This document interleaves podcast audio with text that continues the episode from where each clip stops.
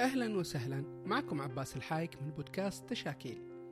في طفولتنا كنا نحب نرسم ونلون بالألوان اللي كنا نسميها تشاكيل على كراسات الرسم. استعرت مفردة تشاكيل لتكون اسم البودكاست. تشاكيل بودكاست منوع كتنوع الألوان. سنتحدث في حلقاته عن كل شيء له علاقة بالثقافة والفنون والآداب. بودكاست تشاكيل من إنتاج مجلة سماورد الإلكترونية.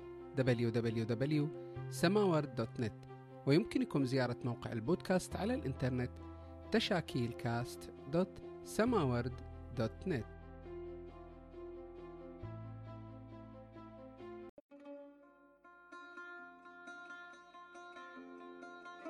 أهلا وسهلا. أنا عباس الحايك وهذه حلقة حوارية جديدة من بودكاست تشاكيل. شاركني في إعدادها إبراهيم الحارثي.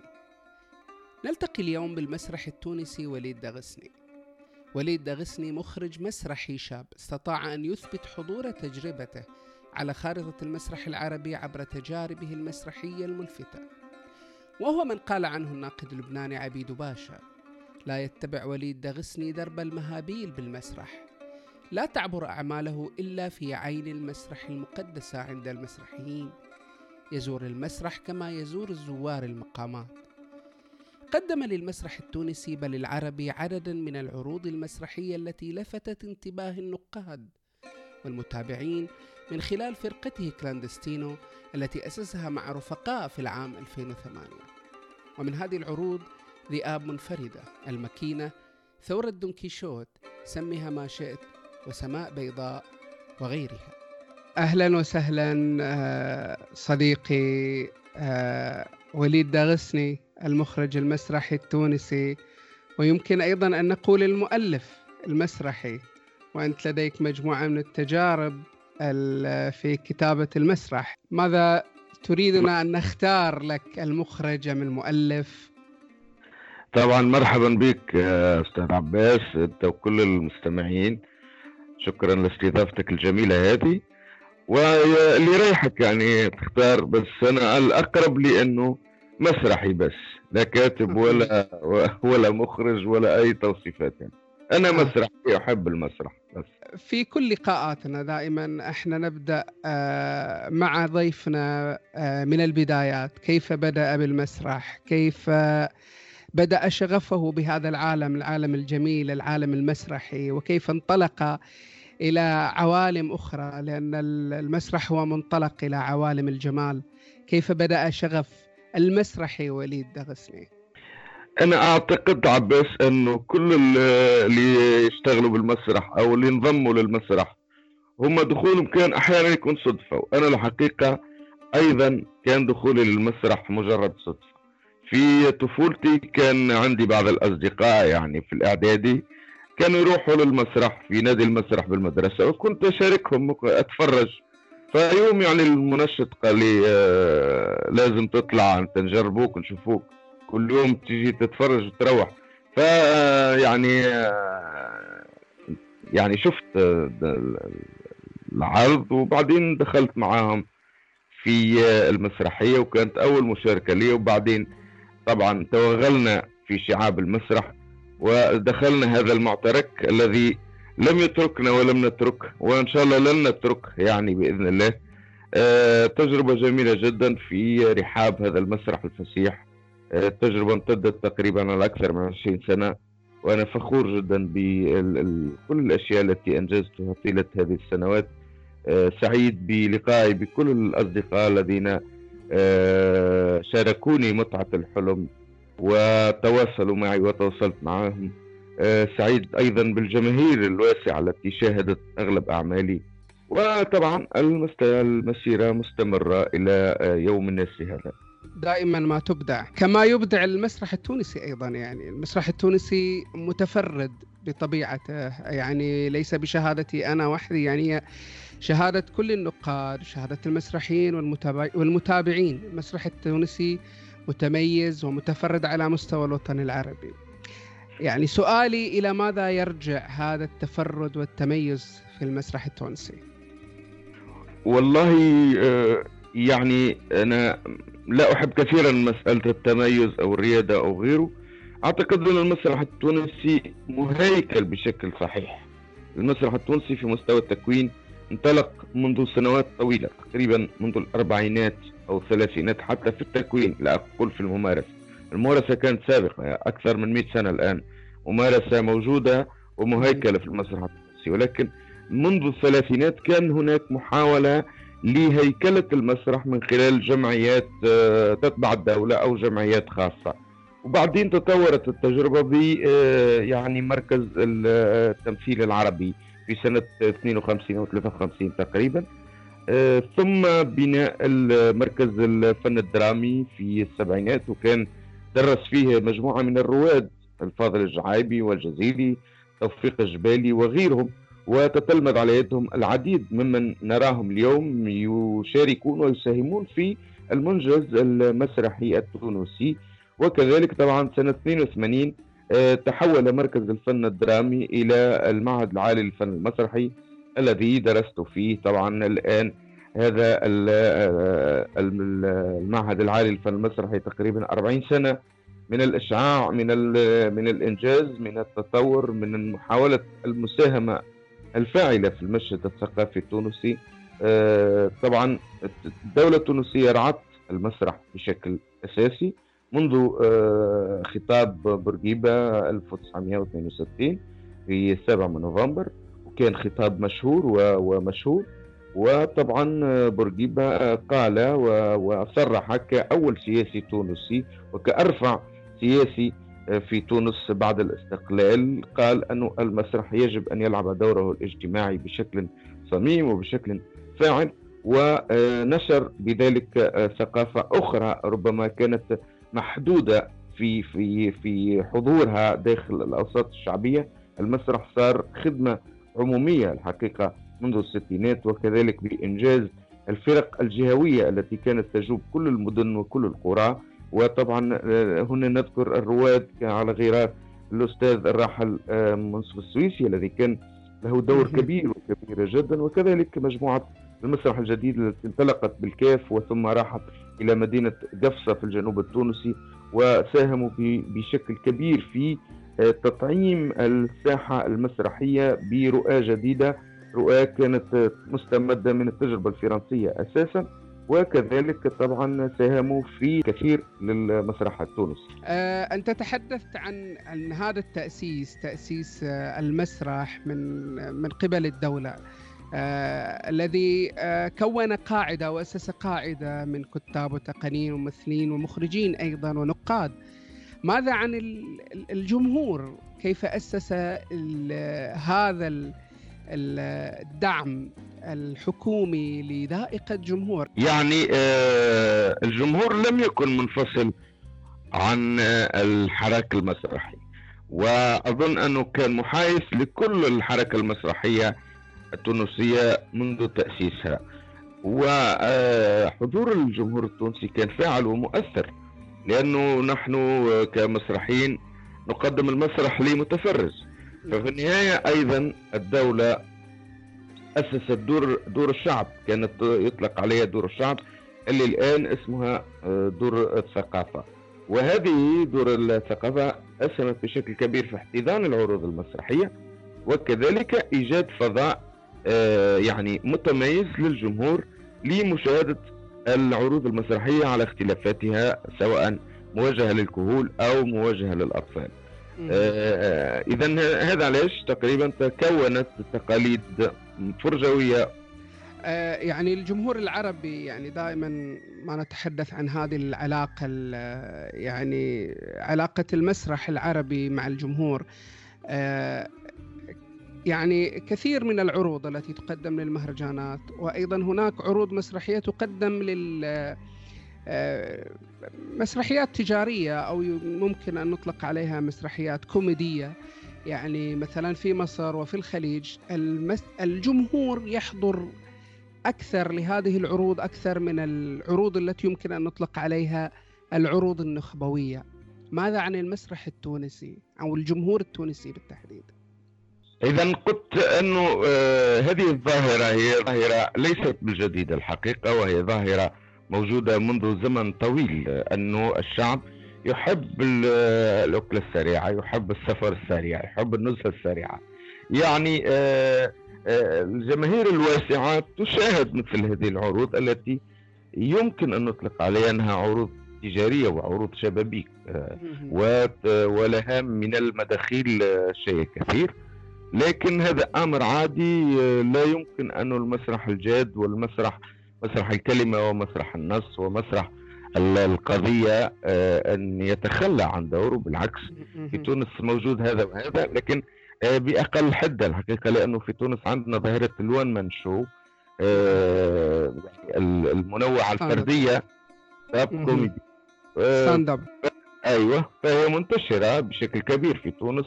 ولها جمهورها ولها متابعيها. ولكن آه الشيء الجميل في تونس أنك تلاحظ أنه مثلا آه فنان مثل لطفي العبدلي الذي يقدم stand up آه نفس الجمهور هو يشاهد فاضل الجعايبي مثلا نعم. النقيض أو يشاهد الفنان توفيق الجبالي بمسرحه المختلف. فالجمهور التونسي يقبل على تقريبا على اغلب التنويعات أو التنويعات المسرحية ويقبل عليها. طبعا أقل من من من المسرح التجاري ولكن في النهاية عروض فاضل الجعايبي تتم أمام شبابيك فارغة أو عروض توفيق جبالي أو عروضنا إحنا واغلب يعني الشباب الجدد قادرين اليوم أنهم يجلبوا جمهور كبير وجمهور نوعي. لكن هذا لازم طبعا دعاية إعلامية ولازم نعم. تمويل تمويل كبير. نعم. نعم. أه تحدثت عن تجربتك عن في مسرح الطفل أو بداياتك مع مسرح الطفل. أه ممكن تحدثنا عن هذه التجربة وهل ما زلت متواصلا مع مسرح الطفل؟ نعم كانت تقريبا كممثل وكمخرج في سنوات 2006 2007 حتى 2010 تقريبا. أه كان عندي تجربة في إخراج مسرحية للأطفال.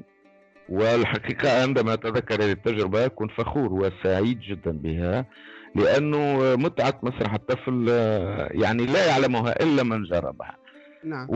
كانت صعبة جدا لأني الحقيقة لم أكن مختص في مسرح الطفل ولكن حاولت من خلال بعض الأصدقاء اللي يشتغلوا في الماريونيت في فن العرائس فحاولنا مع بعض أن ننتج مسرحية عرائسية واستعملنا فيها مسرح خيال وغيرها من التقنيات الحديثة المعروفة التي تكون قريبة من المتفرج الطفل آه، التجربة لم تتواصل لأنه آه، وجدت نفسي في غمار التجربة مع مسرح الكهول لأنه مسرح الطفل لازم تفرغ كبير ولازم مجهود نظري وفكري آه، يعني يومي لأنك تتعامل مع ذاكرة حساسة وذات حساسة في طور نعم. النشوء وطور النمو ولذلك كانت التجربة مرهقة ولكن في نفس الوقت تجربة جميلة جدا. أعتقد أني تركت الفرصة وتركت المجال لمن هم أكثر اختصاصا آه، مني واتجهت إلى مسألة آه، مسرح الكهول الذي أظن أن المشوار ما زال متواصلا في هذه الرحلة الجميلة. آه، المتابع للمسرح التونسي آه، يستشف ذلك الهم هم السياسي والاجتماعي. الآن يبدو حاضرا بقوة في المسرح التونسي. هل هذا من تأثير ثورة 2011 أم أن الأمر كان حاضرا أيضا في بدايات المسرح التونسي إلى ما قبل 2011 آه المسرح التونسي أعتقد أنه ولد من رحم آه، من رحم المقاومة. مقاومة المستعمر ومقاومة شظف العيش ومقاومة الأوضاع الاجتماعية آه، والاقتصادية السيئة التي كانت في نهاية القرن التاسع عشر وبداية القرن العشرين في أشد لحظات وقوة المستعمر الفرنسي. كان هناك مقاومة مسرحية وفنية آه، طبعا كان هناك المقاومة بالفكر وبالساعد.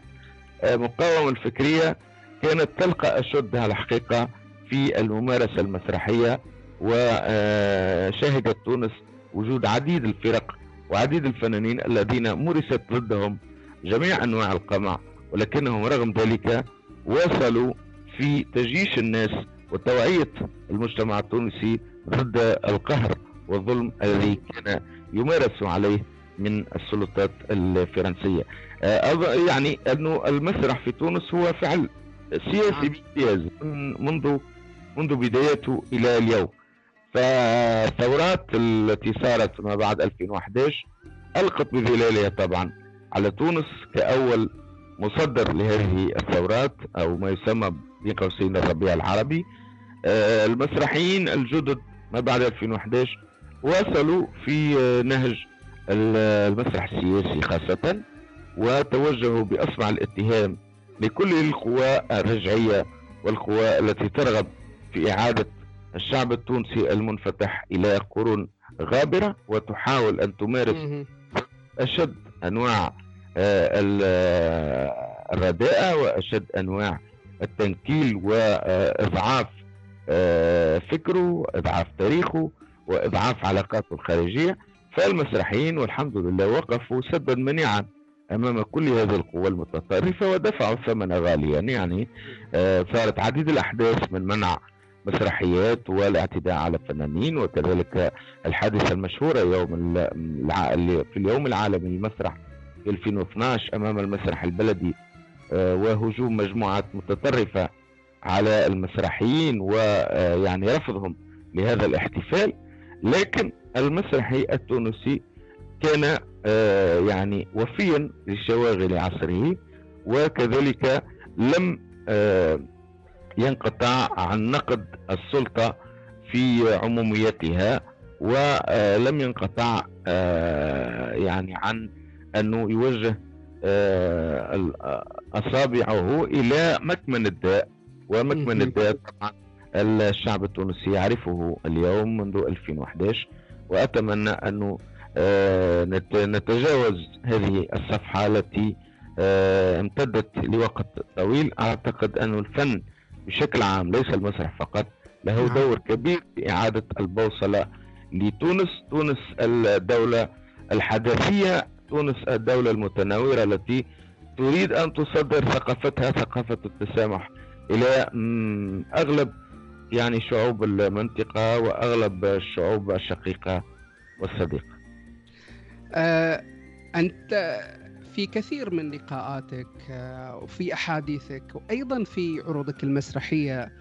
آه، تناولت قضية التطرف تناولتها في مثلا في ذئاب منفردة وسميها ما شئت. كيف ترى آه، دور المسرح في مواجهة التطرف خاصة أن المجتمع المجتمع التونسي كان ضحية ضحية لهذا التطرف. كيف ترى دور المسرح؟ دورك أنت كمسرحي من خلال عروضك في مواجهة هذا التطرف. نعم. المسرحي له مسؤولية كبرى. يعني آه، طيلة مساره الفني يجب أن يكون له مجموعة من الرهانات. والرهانات تصب أكيد في مصلحة المجتمع في مصلحة الناس. لا أظن أن الرواد المسرحيين منذ منذ منذ اليونان إلى شكسبير إلى موليير إلى كورناي آه، وصولا إلى فيكتور هيجو آه، كذلك بريشت أرتو وغيرهم آه، فاضل الجعايبي منصف السويسي توفيق الجبالي ويعني سعد الله ونوس وغيره من المسرحيين العرب والعالميين الذين واجهوا بشكل كبير. كل مظاهر التطرف سواء الناتجة عن الدولة الدكتاتورية أو الناتجة عن جماعات أخرى خارجة عن نمط العيش وخارجة عن قوانين البلاد. الذي عشناه في تونس كان صعبا الحقيقة ولكن آه لم آه يعني ما كتفناش يدينا بالعكس كنا حاضرين وكنا يعني آه قادرين أن نواجه المد الجارف هذا اللي كان موضة الحقيقة ظهرت بعد 2011 وسيطرت المال السياسي الفاسد على عقول العديد من الشبيبة اللي آه، ممكن ساهم أساتذة التربية المسرحية ونوجه لهم تحية كبيرة في تونس أنهم يحتضنوا آه، شريحة كبرى من الشباب التونسي سواء في المدارس الإعدادية أو في المعاهد أو في دور الشباب والثقافة. واحتضنوهم وحاولوا تأطيرهم وإبعادهم عن كل هالمظاهر التي آه، تخل الحقيقة بفكرهم وتخل بشخصيتهم المتسامحة وشاهدنا كيف آه، ذهب العديد من الشباب التونسي إلى مناطق التوتر. الدولة كانت متغيبة في 2011 للأسف طبعا نعرف كلنا التجاذبات السياسية بعد كل ثورة فهذا أمر عادي. ولكن المجتمع المدني ومنه الفنانين المنضوين طبعا تحت جمعيات حقوقية وغيره حاولوا بشتى الطرق من خلال تظاهرات من خلال آه، التحسيس من خلال الحملات المنظمة في كامل ربوع تونس. في محاولة لتوعية الناس بهذا الخطر المحدق. للأسف الشديد العديد من الشباب التونسي كما أغلب الشباب الموجود في بعض الدول العربية سافروا إلى آه، مناطق التوتر في العالم العربي وهذا أمر سيء جدا الحقيقة. العديد من الشباب في عمر الورد رحلوا ومن جراء هذا الفكر المتطرف. إذا المسرح دوره آه، وضرورته اليوم هي في مكافحة كل هذه الأفكار الهدامة التي ممكن أنها تسيء إلى آه، إلى الفكر وتسيء إلى الثقافة وتسيء إلى الإنسان عموما. وفي تونس اليوم السياحة رجعت بشكل كبير و يعني رجعت صورة تونس هذا البلد المتسامح. المسرح زي ما شفت هناك إنتاج كبير مقارنة بالسنوات الفارقة الحقيقة وشاهدت أنه الماكينة المسرحية التونسية عادت إلى سابق عهدها وعادت تدور بالشكل المطلوب. هناك دورات تكوينية على كامل أرض تونس. هناك عروض مسرحية كثيرة. أنا نقول لك تقريبا في السنة فما 180 عرض تونسي. وهذا هذا في مستوى الجمعيات الهاوية والمحترفة. فالمسرح المدرسي يمكن تقريبا 500 عرض مسرحي.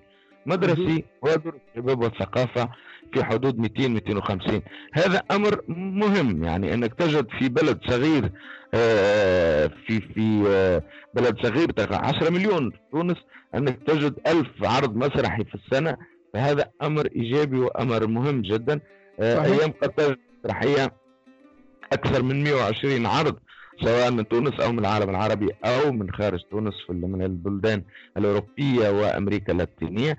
هذا أمر آه، مفرح ولكن المسرح التونسي عليه أن يحاول تطوير دائما أساليب اشتغاله ويحاول أن يكون أقرب إلى آه، مجتمعه في مستوى قضاياه في مستوى طرحه وفي مستوى دفاعه دائما عن الأفكار الحرة والأفكار الإنسانية الكونية التي تحاول أن ترفع من قيمة الإنسان دائما وقيمة المواطن.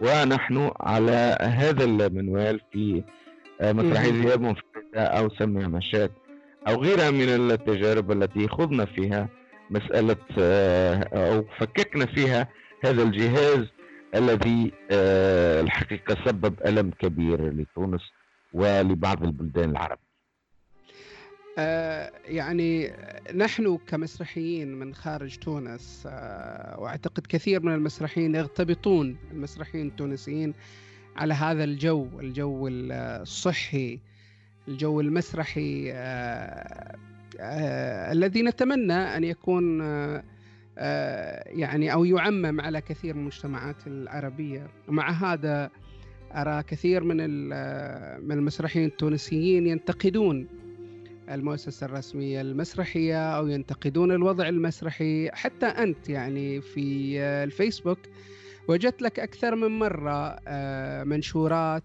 آه، على الفيسبوك تتحدث عن بعض التحديات والعقبات التي تواجهونها كمسرحيين. آه، ماذا تواجهون في في تونس مع كل هذا الجو الصحي الذي نغتبطكم عليه؟ نعم. الحقيقة أنا في في في صراع دائم مع كل الإدارات وكل البيروقراطية. هذه مشكلتي كفنان آه، أنا ضد التراخي تراخي الدولة عن دعمها للمسرح. الدولة صحيح تقدم دعم كل سنة آه، ودعم واضح. هذا في الميزانية وزارة الثقافة واضحة ميزانية المسرح كل سنة. ولكن نحن نطالب أولا بمضاعفة هذه الميزانية نطالب بسن قانون يحمي الفنان نطالب بتفعيل قوانين الملكية الفكرية والأدبية نطالب بإيجاد فضاءات للعروض لائقة وكذلك نطالب ب يعني توسيع دائرة المشاركات التونسية في العروض الخارجية وهذا آه، طبعا آه، مثلا المغرب كانت سباقة في هذا المجال وأعطت الفرصة لعديد المسرحيين سواء في مستوى التكوين في مهرجانات عالمية كبرى كأفينيون وغيرها وكذلك عروض مسرحية مغربية تشارك في أمريكا اللاتينية وفي أوروبا وغيرها من الدول العالمية وتعرض منتوجها دونك اذا نطالب وزارة الثقافة أساسا ووزارة الخارجية بالانتباه إلى دور المسرح في حمل الثقافة التونسية إلى خارج حدود أرض الوطن وهذا ليس بعزيز ولكن لازمه يلزمه إرادة صلبة وإرادة لا تأفل وتكون متواصلة وليست مناسباتية. اذا صراعي ما أنا شخصيا مع هذه البيروقراطية هو في خوفي فعلا من أنه هذا المكسب ال الذي آه نلناه بفضل يعني بفضل بفضل نضالات العديد من المسرحيين آه منذ القرن العشرين إلى اليوم. آه، لا أريد للمسرح التونسي أن يأفل أو أن يضعف تأثيره وحضوره سواء في تونس أو في غيرها بالعكس وهذه ليست مسؤولية وزارة الثقافة فقط ولكن هي مسؤولية الدولة التونسية. ويجب عليها أن تحافظ عليه. آه يعني الفنان دائما يريد الكمال يريد أن يصل إلى آه النماذج القصوى للفعل. آه ما زلنا نطالب ما زلنا سنطالب ما زلنا سنقول كلمتنا بشكل حر. وأكيد أنه السلطات التونسية ووزاره الثقافة خاصة اذانها آه، صاغيه وأعتقد أنه 2020 2021 من الممكن أن تحدث قوانين جديدة في هيكلة الفن الدرامي في تونس وتحمي الفنان وكذلك توسع دائرة الفعل ولا ينحصر في مسألة مناسباتيه آه، زائلة. ما الذي ترينا؟ لا شيء فراغ في فراغ تأملي جيدا لا يغرك البياض. أنا عمياء لا أبصر. هل ستكملين؟ ما من قوة تمنعني؟ هل في قلبك خوف؟ جاهزة لتحول الموت. لا مجال للتراجع. لا شيء يثنيني أو يردني. وإذا نكثت الوعد. تكون القبور مثواه. ما الذي ستفعلينه بالقوة؟ القصاص. ممن؟ من أولئك الذين خدعونا. كيف سيكون؟ قاسيا فاتكا أساعدك في الخير فقط. ما أزعمه خير. لا شأن لي. أنا هنا لخدمتك كما اتفقنا. سيدركون الحقيقة من خلال عيون الموت التي زرعتها. الآن في مسرح رهيب وعيوني ترقبك وتنتظر منك. أن تحطمي كل هذه الحواجز؟ أكاد أشعر بالفخاخ التي نصبتها لي. بل إني أراها بادية كمقصد. اثبتي موهبتك في العبور نحو عالم أوسع كبير. ولن يوقفك بعد ذلك شيء. أعطني السر. أسست فرقتك كلاندستينو في العام 2008 آه وأنت تعمل منذ ذلك الوقت بنفس الطاقم ونفس الممثلين في الكثير من أعمالك التي شاهدناها لماذا؟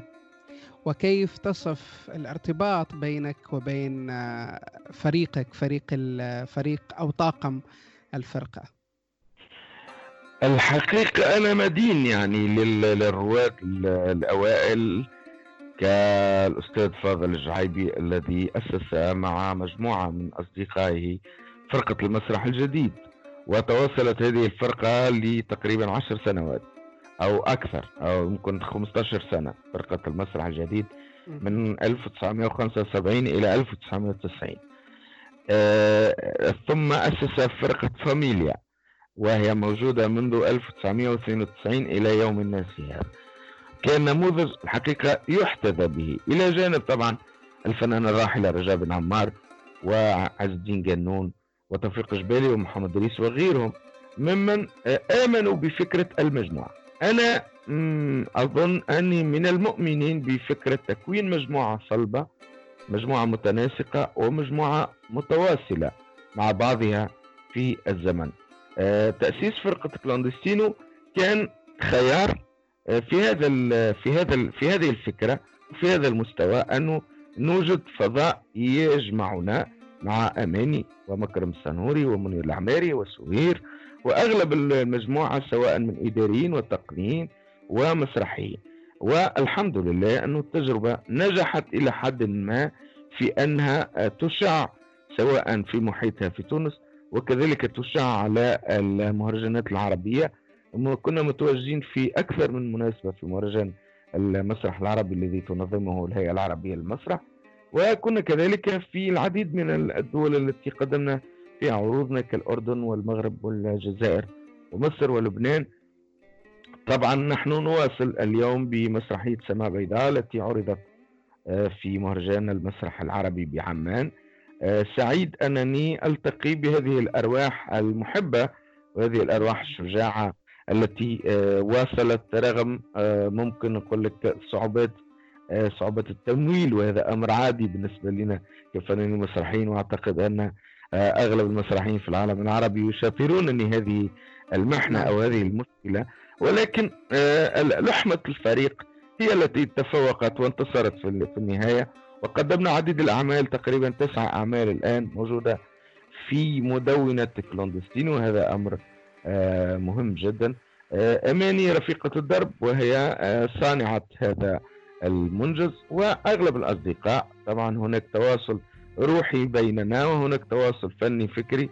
نتشارك عديد الأفكار ونتلاقى في عديد المواضيع التي نحاول أن نبلورها من خلال الركح. يعني معاشرتنا للمسرح آه، معاشرة مهمة لذيذة وهي آه، تجربة أنا سعيد وفخور بها. وإن شاء الله تكون نموذج يحتذى به في قادم السنوات. بالتأكيد. آه طيب كمخرج آه كيف تبني علاقتك مع الممثل؟ كيف تبدأ من النص إلى العرض مرورا بتعاملك مع الممثل الذي سيؤدي آه، شخصيات مسرحيتك؟ الحقيقة أنا أه تعاملت مع عديد الممثلين لكن بالأساس كانت تجمعني بهؤلاء قبل أن نخوض معا غمار تجربة الفن المسرحي كانت تجمعني بهم فعلا علاقة شخصية في الحياة. وهذا يساعدني بشكل كبير على ترجمة أفكاري لهم قبل أن ننطلق في المشروع. انطلاقة المشروع تكون من خلال مجموعة من الأفكار وهذه الأفكار تبوب في آه، مجموعة أخرى من الوضعيات الدرامية. هذه الوضعيات تنتج عنها طبعا ارتجالات للممثل بتوجيه مني. هناك تفاعل بيني وبين الممثل زي ما قلت ينطلق قبل بداية التمارين. تفاعل يتواصل في التمارين من خلال الجدل من خلال المشاركة ومن خلال آه، الدحض ومن خلال الطرح. آه، اللعبة فكرية أساسا. ثم آه، ما بعد بلورة النص النهائي للعرض ندخل في غمار التوجيه. توجيه الممثل الذي طبعا يستند إلى فلسفة معينة عندي أنا شخصيا وأؤمن بها وهذا نتيجة للتراكم ونتيجة للقراءات ونتيجة للمعرفة سواء في مستوى التكوين الأكاديمي أو في التكوين الميداني. آه، أظن أنني أميل أكثر إلى الممثل كعنصر بارز من عناصر العرض المسرحي أو لأقل هو أهم عنصر بالنسبة لي ولذلك أوجه اهتمامي بشكل مباشر له. العلاقة تكون مبنية على التواصل والتفاهم وكما قلت مبنية على المجادلة اليومية آه، في كنف آه، روح البذل وروح الجهد ووجدت ممثلين بطاقة آه، مهمة وبطاقة استثنائية منذ منذ 2010 إلى اليوم. أغلب الممثلين الذين اشتغلت معهم أنا سعيد بهم جدا لما قدموه لي من إضافات كثيرة وكذلك فخور بأنني اشتغلت معهم وطبعا أنا إن شاء الله سأواصل الاشتغال معهم بنفس المستوى بنفس الأساليب وطبعا المستقبل ما زال واسع. آه يعني على ما يبدو من خلال حديثك ومن خلال أيضا أحاديث آه، جانبية سبقتنا آه، في آه، في في مهرجان المسرح العربي في الأردن قلت أنك لا تؤمن بسلطة المخرج. والآن أيضا كررت بأن الممثل هو شريك في العرض المسرحي. طبعا هذا يختلف عن فكرة سلطة المخرج الذي يتبناه أو التي يتبناها كثير من المخرجين خاصة المخرجين الشباب. هناك فكرة آه، متسيدة بأن المخرج هو سيد العرض هو المسؤول وهو الذي يفرض رأيه على كل عناصر العرض من من النص إلى الممثل إلى السونوغرافيا إلى إلى إلى. بينما أنت هنا آه، تتعامل مع مفردات العرض المسرحي بشكل مختلف تماما عن ما يتعامل آه، فيه بعض المخرجين المسرحيين خاصة الشباب منهم. يمكن أن نرجعه إلى أننا في فرقة كلوندستينو آه، لا نسعى إلى إنجاز عرض مسرحي بالمفهوم التقليدي أو المفهوم المتعارف عليه. أنه تنجز مسرحية يأتي جمهور يشاهدها وتقدم بعض العروض وانتهى الموضوع. آه نحن نبحث عن مشروع مسرحي. والمشروع المسرحي لا ينبني على فرد واحد وإنما ينبني على مجموعة. وهذه المجموعة مقسمة بحسب وظائفها وحسب مهامها. الممثل الإداري التقني السينوغراف الدراماتورج كاتب النص المخرج وغيرها من الوظائف الموجودة في المسرح. إذا أساسا نحن نبحث عن تشاركية مهمة في إنجاز آه، مؤسسة مسرحية بالأساس. هذه المؤسسة تتواصل فيما بينها؟ وكذلك تتواصل بأعمالها وتقدم طرحا جديدا. إذا ديكتاتورية المخرج التي تحدثت عنها أظن أنها تضر الفعل المسرحي لأنه المسرح فن جماعي.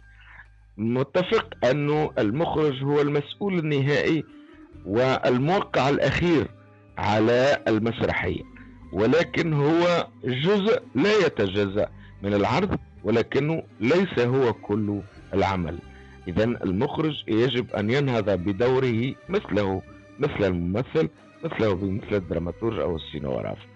فمسألة أنه يكون ديكتاتور هذه ممكن آه، تسبب عديد من الإشكاليات وتعطل العمل وخاصة تعطل التواصل الروحي أو الاتصال الوجداني بينه وبين الممثلين وطاقم العمل.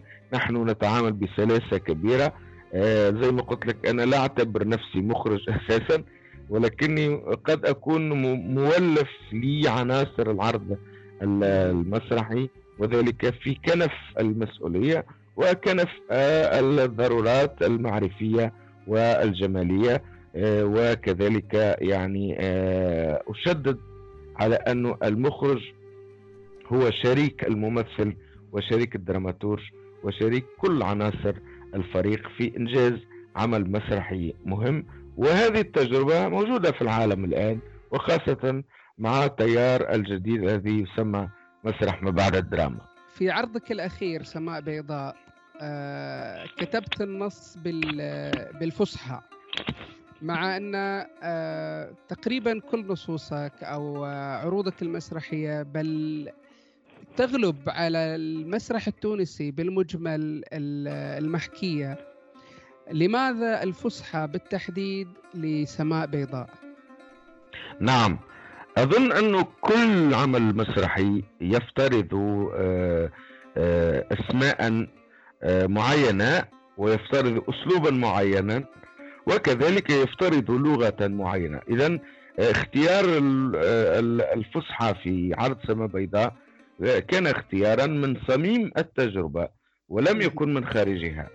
آه، اللغة الفصحى وفرت لنا مساحة شعرية كبرى وكانت واضحة المعالم في العرض وربما الأجواء التي اشتغلنا عليها التي هي أجواء آه، الأسطورة الأجواء القديمة والمراوحة بين الزمن الحاضر أو الزمن السحيق السرمدي ربما هذا ما وفر علينا آه، فرصة آه، كبيرة لي يعني بلورة فكرتنا الأساسية من خلال هذا العرض.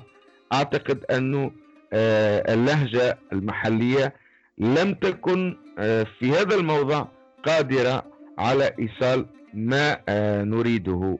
لذلك اختيار العربية الفصحى هذا آه، انطلق من صميم أجواء العرض ولم يكن من خارج العرض تماما آه، ولذلك ممكن نرجع هذا الاختيار إلى مغامرتنا أو حبنا للمغامرة وهي أول مرة تقريبا أكتب بالعربية الفصحى للمسرح لكن أريد أن أقول هنا أنني لم أكن مختلفا مع جميع التجارب السابقة التي اعتمدت فيها على الارتجال. اليوم آه، حاولت أن أجرب الارتجال بالعربية الفصحى.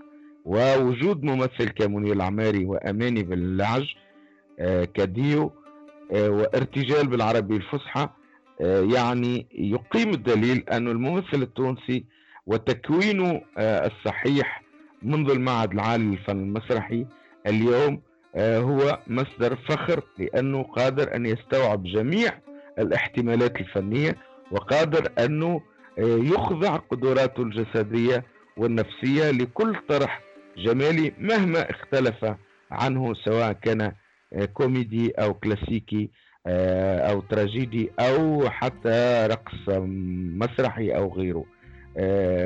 سعيد بالتجربة. العربية الفصحى توفر مساحات شاسعة للخلق وللإبداع وربما آه، لا أنكر أن هذا النص آه، فيه شحنة كبيرة مني وما أحبه منذ سنوات طويلة. آه، أتمنى أن لا تكون هذه التجربة تجربة سماء بيضاء وكتابة والكتابة بالعربي الفصحى هي الأخيرة وإنما أكيد أن هناك أعمال أخرى بالعربية الفصحى وأخيرها إن شاء الله سيخرج قريبا آه، أنت شاركت في العديد من المهرجانات المسرحية العربية والدولية آه، أعتقد أنك ستشارك في مهرجان الفجيرة القادم أيضا آه، كيف تقرأ ظاهرة المهرجانات؟ هل استطاعت أن تقدم للمسرح العربي الكثير؟ هل صحيح ما يقال أنها أبعدت الجمهور عن المسرح خاصة أن كثير من المخرجين العروض المسرحية ينفذون مسرحياتهم فقط ليقدمونها في المهرجانات وتنتهي لا يقدمونها للجمهور. إي هذه هذه معضلة يمكن اعتبارها معضلة لأنه الساحة العربية المسرحية لا أظن أنها تحتمل هذا الكم الهائل من المهرجانات المنتشرة في أغلب العالم العربي. يجب أن تكون هناك مراجعة فعلية ومراجعة موجعة لجدوى هذه المهرجانات. وهذا يتم ليس من وزارة الثقافة وغيرها بل يتم من المسرحيين أنفسهم.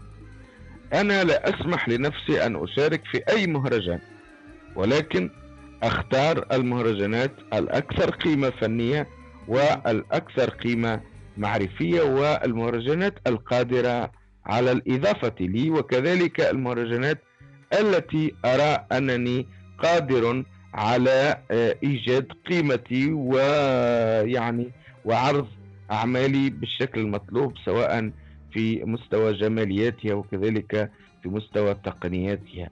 أغلب المهرجانات للأسف الشديد تركز على الكم يعني يقول لك عندي 15 دولة مشاركة أو عشرة دول مشاركة. هذا هذا لا يحدد قيمة المهرجانات إذا نعم.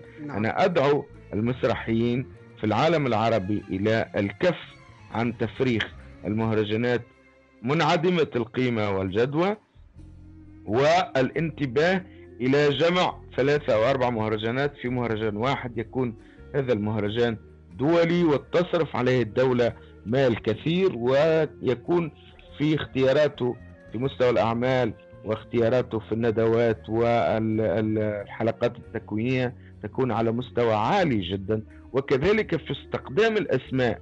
وهذه معضلتنا في العالم العربي أننا نتقوقع على أنفسنا وهذا مشكل كبير. يعني العالم اليوم عالم فسيح عالم واسع والإنترنت وصل وفرت لنا فرصة التشارك مع الآخرين. ولم لا جلبهم والاستفادة منهم لأنه آه، مثلا المسرح الوطني التونسي سيجلب الفنان العالمي بيتر بروك في شهر أربعة. هذا مهم جدا ولتق... ليقدم آه، عرضين لمسرحيته الجديدة. هذا أمر مهم جدا.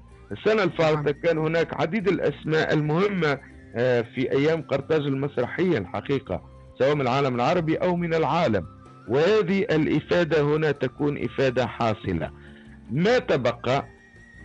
كما قلت يجب أن يتحلى أغلب المسرحيين المشرفين على مثل هذه المهرجانات بالشجاعة وبالنزاهة حتى يقولوا ستوب آه، آه، يعني لن نصل إلى أي شيء من خلال هذه المهرجانات العابرة.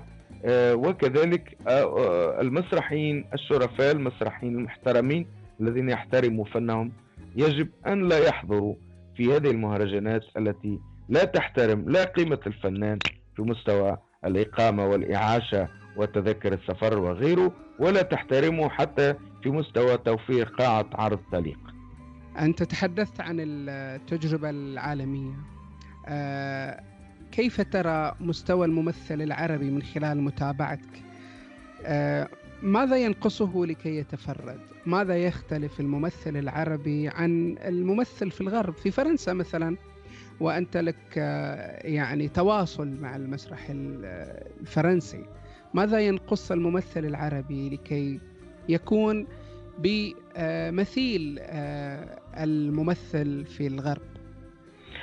آه، يعني الذي ينقصه المنظومة المتكاملة. يعني بمعنى أنه في في تونس مثلا تجد الممثل تجد الطبيب تجد المهندس ولكن كل هؤلاء هم أفراد ولا ينطون تحت مجموعات واضحة في مستوى تكوينها ومستوى إداراتها وغيره. يعني العبقري أو المتميز في العالم العربي يتوه في الزحف وهذا وهذا مشكل كبير جدا. نعم. الممثل العربي مظلوم بشكل واضح. آه، مظلوم لأنه لا تتاح له فرصة المشاركة في منتديات عالمية للتكوين المسرحي في التمثيل أو في السينوغرافيا أو في كل آليات الفن الدرامي لا تتوفر له فرصة المشاركة في أعمال مهمة جدا. لا تتوفر له آه، آه، التعامل مع مخرجين في مستوى عالمي. إذا ارجع هذا السبب إلى المنظومة المسرحية إلى المنظومة المسرحية برمتها. آه، يجب أن نؤسس هياكل دائمة وهياكل قادرة على آه، إقامة آه، يعني مؤسسات قادرة على استيعاب هذا الكم الهائل من الخبرات المسرحية العربية والترويج لها وكذلك احتضانها بالشكل المطلوب وتوفير جميع متطلباتها من من تكوين وكذلك من دعم مالي ولما لا طبعا آه، في بعثات إلى آه، دول أوروبا خاصة اذا نعم. الممثل اذا آه، الممثل العربي زي ما قلت شيء منه ممكن هناك تراخي منه شوية لأنه آه، مازال عندنا طابع الهواية. وطابع الهواية هو أنه وكأنه المسرح آه، يعني نقوم به في أوقات الفراغ.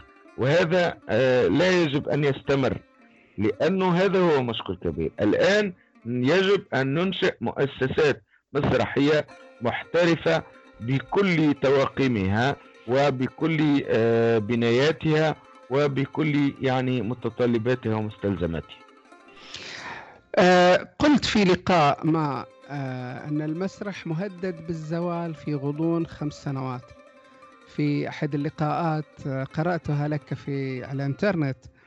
كيف ترى مستقبل المسرح العربي بالتحديد؟ هل فعلا هو مهدد بالزوال أم أن هناك أمل؟ أكثر من أي وقت مضى هو مهدد اليوم. وخاصة في ظل هذا التسابق المحموم على وسائل التواصل الاجتماعي وكذلك الاكتشافات التكنولوجية الجديدة التي وفرت فرجة سهلة بالنسبة للمتفرج. ولكن أظن أن المسرح طيلة يعني نش... طيلة سنوات وجوده آه، منذ تقريبا 2700 سنة منذ الإغريق إلى اليوم مر بعديد الصعوبات. لكن هذه الفترة هي الأصعب والأشد على المسرح آه، منذ ظهور عديدة. لأنه زي ما قلت تطور الإنسان وتطور الحياة اليومية وتطور الاقتصاد وتطور الاحتياجات أصلا الإنسانية خلق تحدي أمام المسرح.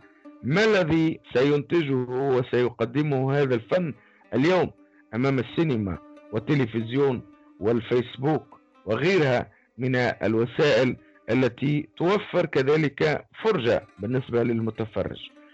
آه المسرح إذا لم يجدد ثوبه ولم يعطي آه قيمة للبحث العلمي ولم يعطي قيمة للفنانين الاستثنائيين فأظن أنه سيكرر نفسه وهذه مشكلة عويصة. في العالم الغربي المسرح يتطور كل يوم ويأخذ من التكنولوجيات الحديثة الشيء الكثير ويحاول أن يتأقلم. في العالم العربي ما زلنا إلى اليوم آه، في آه، يعني في مدار المجاملات ومدار الشكر ولم نضع أيدينا بشكل نزيه وبشكل أساسي على المناطق التي تضعف تطور المسرح العربي. يعني لما تشوف منذ التسعينات إلى اليوم تقريبا المواضيع متشابهة والوجوه مكررة. نريد جيل آخر مسرحي قادر على أنه ينهض بالفعل المسرحي وينتشله من طابع من الطابع الروتيني الذي نراه اليوم. آه، أظن أنه عندي أمل كبير. في الجيل المسرحي في المغرب في العربية السعودية وطبعا بعد المنجز المسرح الوطني في الرياض. وهذا أمر مهم جدا بالنسبة نعم. للفنانين في العربي في المملكة السعودية. وكذلك في سوريا في الأردن في في الجزائر في تونس في أغلب المناطق العربية هذا هؤلاء من الشبان المتحرقين والمتشوقين لمعانقة الفعل المسرحي الجديد. الفعل المسرحي الذي ينهل من كل التطورات الجديدة سواء في الفنون المعاصرة وكذلك من التكنولوجيا الحديثة. عندي أمل ولكن تخوفاتي ما زالت موجودة. أنا سعيد جدا بهذا اللقاء سعيد آه، بهذه الرحلة الرحلة المبدعة رحلة آه، المسرحي وليد داغسني منذ بداياته وحتى وحتى الآن سعيد بأن أستمع إلى آرائك. آه، استأنست كثيرا بهذا اللقاء. شكرا لك. شكرا جزيلا لك صديقي العزيز. وطبعا نلتقي أكيد في محطات قادمة. أتمنى أن المسرح العربي يكون دائما بخير وإن شاء الله كل عام والمسرحيين العرب والمسرحيين في كل العالم بألف خير وشكرا جزيلا على هذه الاستضافة اللطيفة. شكرا. إلى اللقاء. إلى اللقاء. إلى حضن أمي يحن فؤادي حنين البساتين